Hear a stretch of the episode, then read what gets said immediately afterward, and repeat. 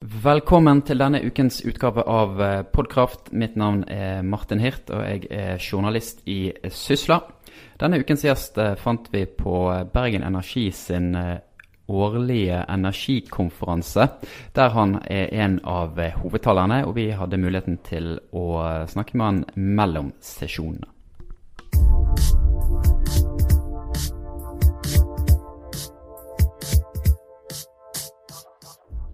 It's a great pleasure to welcome Angus McCrone, Chief Editor at Bloomberg New Energy Finance, to share his knowledge on the ongoing trends of, of renewable energy. Welcome uh, to the podcast, Angus. Um, I'd like to start off with your latest comment entitled, Will the Future of Energy Have Four Corners? And uh, you draw comparisons to the three branches of, of government, judicial, executive, and, and legislature, and you, you raise the question of, of how many vital corners uh, energy will have in, in the future um, based on input you you got from your um, the summit Bloomberg held in in April. Um, you mentioned four renewables, storage, electric vehicles, and grid. What lies behind that that assumption and, and those four components? Well, the first thing I'd say was that um, the, uh, the the the article I wrote on this finished with a question mark. Will the future of energy be four cornered? Um, and the the sort of concept came from what I felt was the mood at the summit in April in New York. That that, that was the way um, increasingly investors and the industry were thinking about the future. Um, and I think it's a very encouraging picture that there be four corners that would be kind of self-supporting to some extent. Um, for instance, with um, the advances in electric vehicle batteries making um, storage on the system uh, more economic, and then that uh, helps the grid to balance, which helps the uh, investment in renewables. So there's a kind of um, some very interesting linkages there. Um, but but I also um, pointed out um, in the course of sort of presenting this concept that um, there are sort of many issues to be resolved um, before we can sort of get to that bright future. And there's a lot being invested, for instance, still in fossil fuel technologies, there are a lot of cost reductions that need to happen to to bring about that four-cornered future. Um, so uh, we shouldn't be complacent about it. It's a sort of maybe it's an interesting future if we get there, but um, we're not there at the moment. Uh, just this week, both uh, Total and, and Engie bought different battery companies, and uh, Nissan recently released their X storage, which is for home use. Uh, the fact that sort of energy and car companies look into the battery sector. Is that a, uh, does that confirm how those four corners you just mentioned are interconnected? Yes, I, I was interested to hear that. I, I think um, that certainly does. They're seeing um, potential business for themselves, but also um, another reason for people to buy electric vehicles is is not just the sort of uh, the fact that it's maybe a trendy thing to own and and that in the future sometime in the 2020s it might be the most economic um, vehicle, mm. but also the fact that um, if there's additional revenue for the customer, uh, potentially from uh, being able to provide grid services um, by making their, their batteries available to the grid to balance uh, demand uh, during the day or during the night, then um, that actually improves the economics themselves and will encourage sales. Uh, Bloomberg released a study in February predicting um, EV uh, to reach about 35% of, of, global new car sales by, by 2040. And I've noticed that you are a lot more optimistic in your uh, forecasts on EV than uh, the International Energy Agency. And, and just uh, before we started this podcast, I got a tweet uh, drawing my attention to the E IA saying that only 1% of EV or, or of uh, vehicles would be EV, and I think that was in 2030. What lies behind your, uh, let's call it op- optimistic projections? Well, I think the main reason is um, our forecasts for uh, technology improvements and reductions in the cost of batteries. So uh, by the the mid 2020s, we reckon that um, any consumer who's only interested in buying a vehicle is, is the sort of relative economics. By that point in most countries of the world, um, it will favour electric vehicles just because of the improvements in the technology, the reduction in battery costs, the uh, uh, economies of scale as bigger factories produce uh, batteries more effectively and with more automation and so on. Those things will come into play by the 2020s. And then by 2030, we will probably start seeing some new battery technologies coming in as well. Um, so it's those sort of cumulative effects that will drive that change in the, in the system. Mm. Um, you're here in, in Norway uh, at the Bergen Energy uh, Conference, and you just talked about um, investment trends, uh, setting a new record in, in 2015 with 329 billion dollars. In your view, what, what are the driving forces behind the increased investments? Is it profit, profitability? Is it need of energy? Uh, lower costs? If you could point at some, some key variables. I think there's a combination of all those things you mentioned, and it depends a bit on on the different countries. Um, you know, for instance, in Japan, uh, they have a big problem with the the nuclear plants and the um, Fukushima disaster, and therefore they had to find something new to fill the gap uh, with with the nuclear plants going out of operation, and um, solar became um, something that they were going to invest tens of billions of dollars in a year. Um, so that that's been the issue there. In some of the um, develop, developing economies, they they've got a lot of electricity demand coming through as their economy grows. So the choice is there. We need some capacity. What's it going to be? Um, and in, in places in South America, for instance, uh, wind and solar is, is often actually the cheapest technology. So mm. it's been winning auctions at the expense of fossil fuels.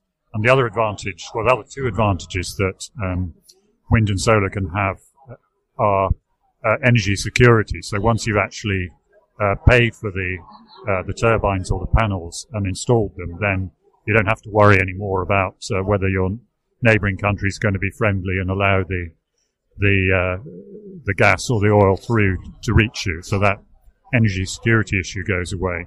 And the other thing is speed. So if, you're looking for capacity quickly, a developing economy, and you're having blackouts and you need um, capacity built quickly, then you can build a solar plant in three to six months and a wind plant in six to nine months. Um, and that's a lot more quickly than you could build a coal plant, mm. uh, or let alone a nuclear plant, which would probably take many, many years. If, if, if we concentrate on, on Europe, last year, um, investments in Europe fell, although for the first quarter of 2016 they rose again, and there's a couple of major projects in, in East Anglia, East Anglia um, in the wind power sector, and you have uh, onshore power in, in Norway, actually, um, in, in Trøndelag. How do you see the future of uh, investments in Europe? Because I know in, in, in the UK there's a lot going on with uh, different uh, subsidy schemes, um, trade associations warning that um, a reduction in, in, subsidies will, will majorly affect the, the renewable uh, sector. How, how, do you see the development in Europe? Well, in the UK, I think you're right that um, investment will probably fall for the next couple of years. Um, certainly outside the offshore wind sector, because the government has um, a, a, new government uh, came into office last year with the same prime minister, but different um, parties uh, making up that government, and um, they've sort of taken an unfriendly attitude towards subsidising um, onshore wind and, and, solar, so it's bound to have an effect for the next couple of years.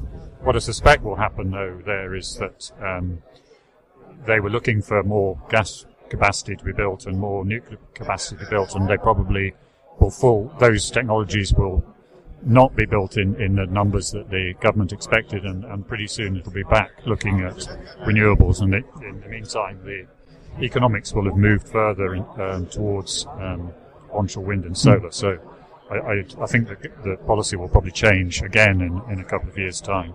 In Europe, it, it's a, sort of mixed picture. So you've got offshore wind sector is very strong in Europe, and there's a lot more projects expected to be financed this year in uh, German waters, uh, Belgium, Netherlands, and then the French projects are just one or two years away. And some of the other countries, the problem is that they've um, got excess uh, electricity supply now. So they've built a lot of capacity, and then their economies haven't been performing very well. So they don't actually need to build anything very much um, in the short term. So I think there'll definitely be a pause, a continuing pause in southern Europe and parts of eastern Europe before we see more developments. But then if you go sort of to the fringes of Europe, there's strong demand for new capacity in places like Turkey. So I think that's going to be an important market.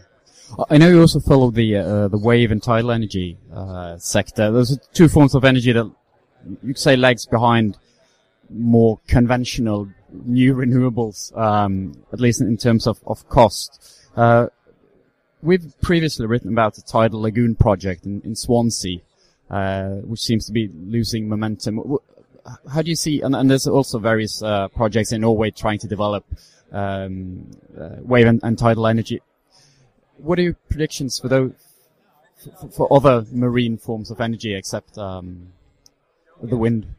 Well, I think you need to split marine energy into three parts. So there's wave technology, um, there's tidal range technology, which includes those lagoons, and there's tidal stream technologies, which is effectively underwater wind turbines. So if you look at the three one by one, wave technology, um, there's a lot of interesting technologies out there. They're very different. They look very different. Some of them are onshore, close to shore. Some are in deep water. They work in very different ways. Um, but the progress with those technologies has been very disappointing over the years. A lot of money has been spent and some of that money's been lost. Uh, it's not clear how quickly wave technology will will advance to the sort of megawatt scale. There's one or two companies in the Nordic countries that seem to be doing better, but uh, I'm not expecting much from wave technology in the next few years. If you look tidal range, the lagoons and the barrages, um, problem there is they're quite expensive. So unless you're building a really huge one across the whole estuary, um, then the economics don't look very attractive, and that's the problem that the Swansea project has. Um, and if you're talking about really huge one, then you run into other environmental problems with wildlife and birds and things like that. So again, I'm not sure that we're going to see much from uh, tidal range. But the one which looks most promising is tidal stream. So there are a number of projects um, in the megawatt scale, several megawatt scale, um, happening now in, in the north of Scotland and in France and in Canada. Um, early projects trying out arrays of, of tidal stream uh, turbines, and some of those will probably work and some of them won't work. But I'm quite I'm quite optimistic actually that that will become uh, something that is sort of reasonably economic within a few years. Mm. Um, coming to closer, I, w- one of the major topics of the last few years have been the reduction of costs. Recently, there was a uh, bid for solar in Dubai coming in at $2.99 per kilowatt. And although there's a lot of information that's not known about the bid yet, it re- represents uh, the latest example of decreasing prices. Uh, but I, I was wondering, is, is, it possible for the price to become too low? As companies, whoever put in this bid still has to make money off it. And yeah. do you have any reflections on on, on um... well, I think that's a question that a lot of people in industry are asking uh, whether these prices are realistic or not. I think one thing to bear in mind is that a lot depends on whether uh, built into these contracts there is sort of inflation proofing. So it's very very different if you if you bid sort of three dollars um, a, a, megawatt hour and uh, then uh, sorry, thirty dollars a megawatt hour, and then you um, find that you've got a sort of inflation uh, increase on that every year, then the economics are a lot more attractive than if you're bidding thirty dollars a megawatt hour and there's no uh, in- increase for inflation. So some of those details aren't clear, but certainly um, Enel Green Power, which is one of the companies that's been quite an aggressive bidder in some of these markets, um, like Mexico, um, Peru, for instance. Um, they would they were questioned very directly about uh, whether the projects were viable at our summit in New York in April, and um, the clear message from their chief executive was that they'd been through the maths very carefully and board level, signed off on the economics and and so on. So uh, we'll gradually get more details in these projects, but at, at, at the moment, I think um, some will probably prove not to be economic, but some of them will, and um, it, it, you know it looks encouraging those costs are coming down all the time. Final question, uh, Angus. Uh, the world of renewables to me seems quite optimistic at at the time being. Uh, although you you had setbacks like the bankruptcy of, of SunEdison in the U.S. and uh, falling stock prices for, for, solar companies for the last few months. Uh, are there any re- I assume there are there are also reasons to be cautious about the development of, of renewable energy. Um, if, if you could pinpoint some of the things that not necessarily worries you, but you that you see must be paid close attention to? Well, one of the worries is that um, the investment trends in renewables are encouraging, but the, the climate change issue is very, very worrying. And um, so far, uh, the switch from fossil fuel to, re- to renewables isn't anything like enough to to uh, solve the climate problem. So that's one of the big issues. Um, another issue is that um, there are developing economies that maybe in, like India, for instance, are investing quite a lot in solar and, and some extent wind, but they're also investing a lot in coal, and that, that's worrying. And another one is, um, so far, most of the countries around the world have been successful at integrating wind and solar up to quite a high percentage. In some cases, 25, 30% or more of, of total generation. Um, so far that hasn't been a problem, but those, the grids have got to continue to be successful to do that. If it starts causing problems, then that might, um, start to affect the, uh, the speed at which renewables are invested in around the world. Thank you very much, Angus, and enjoy the rest of your stay in, in Thank Norway. You.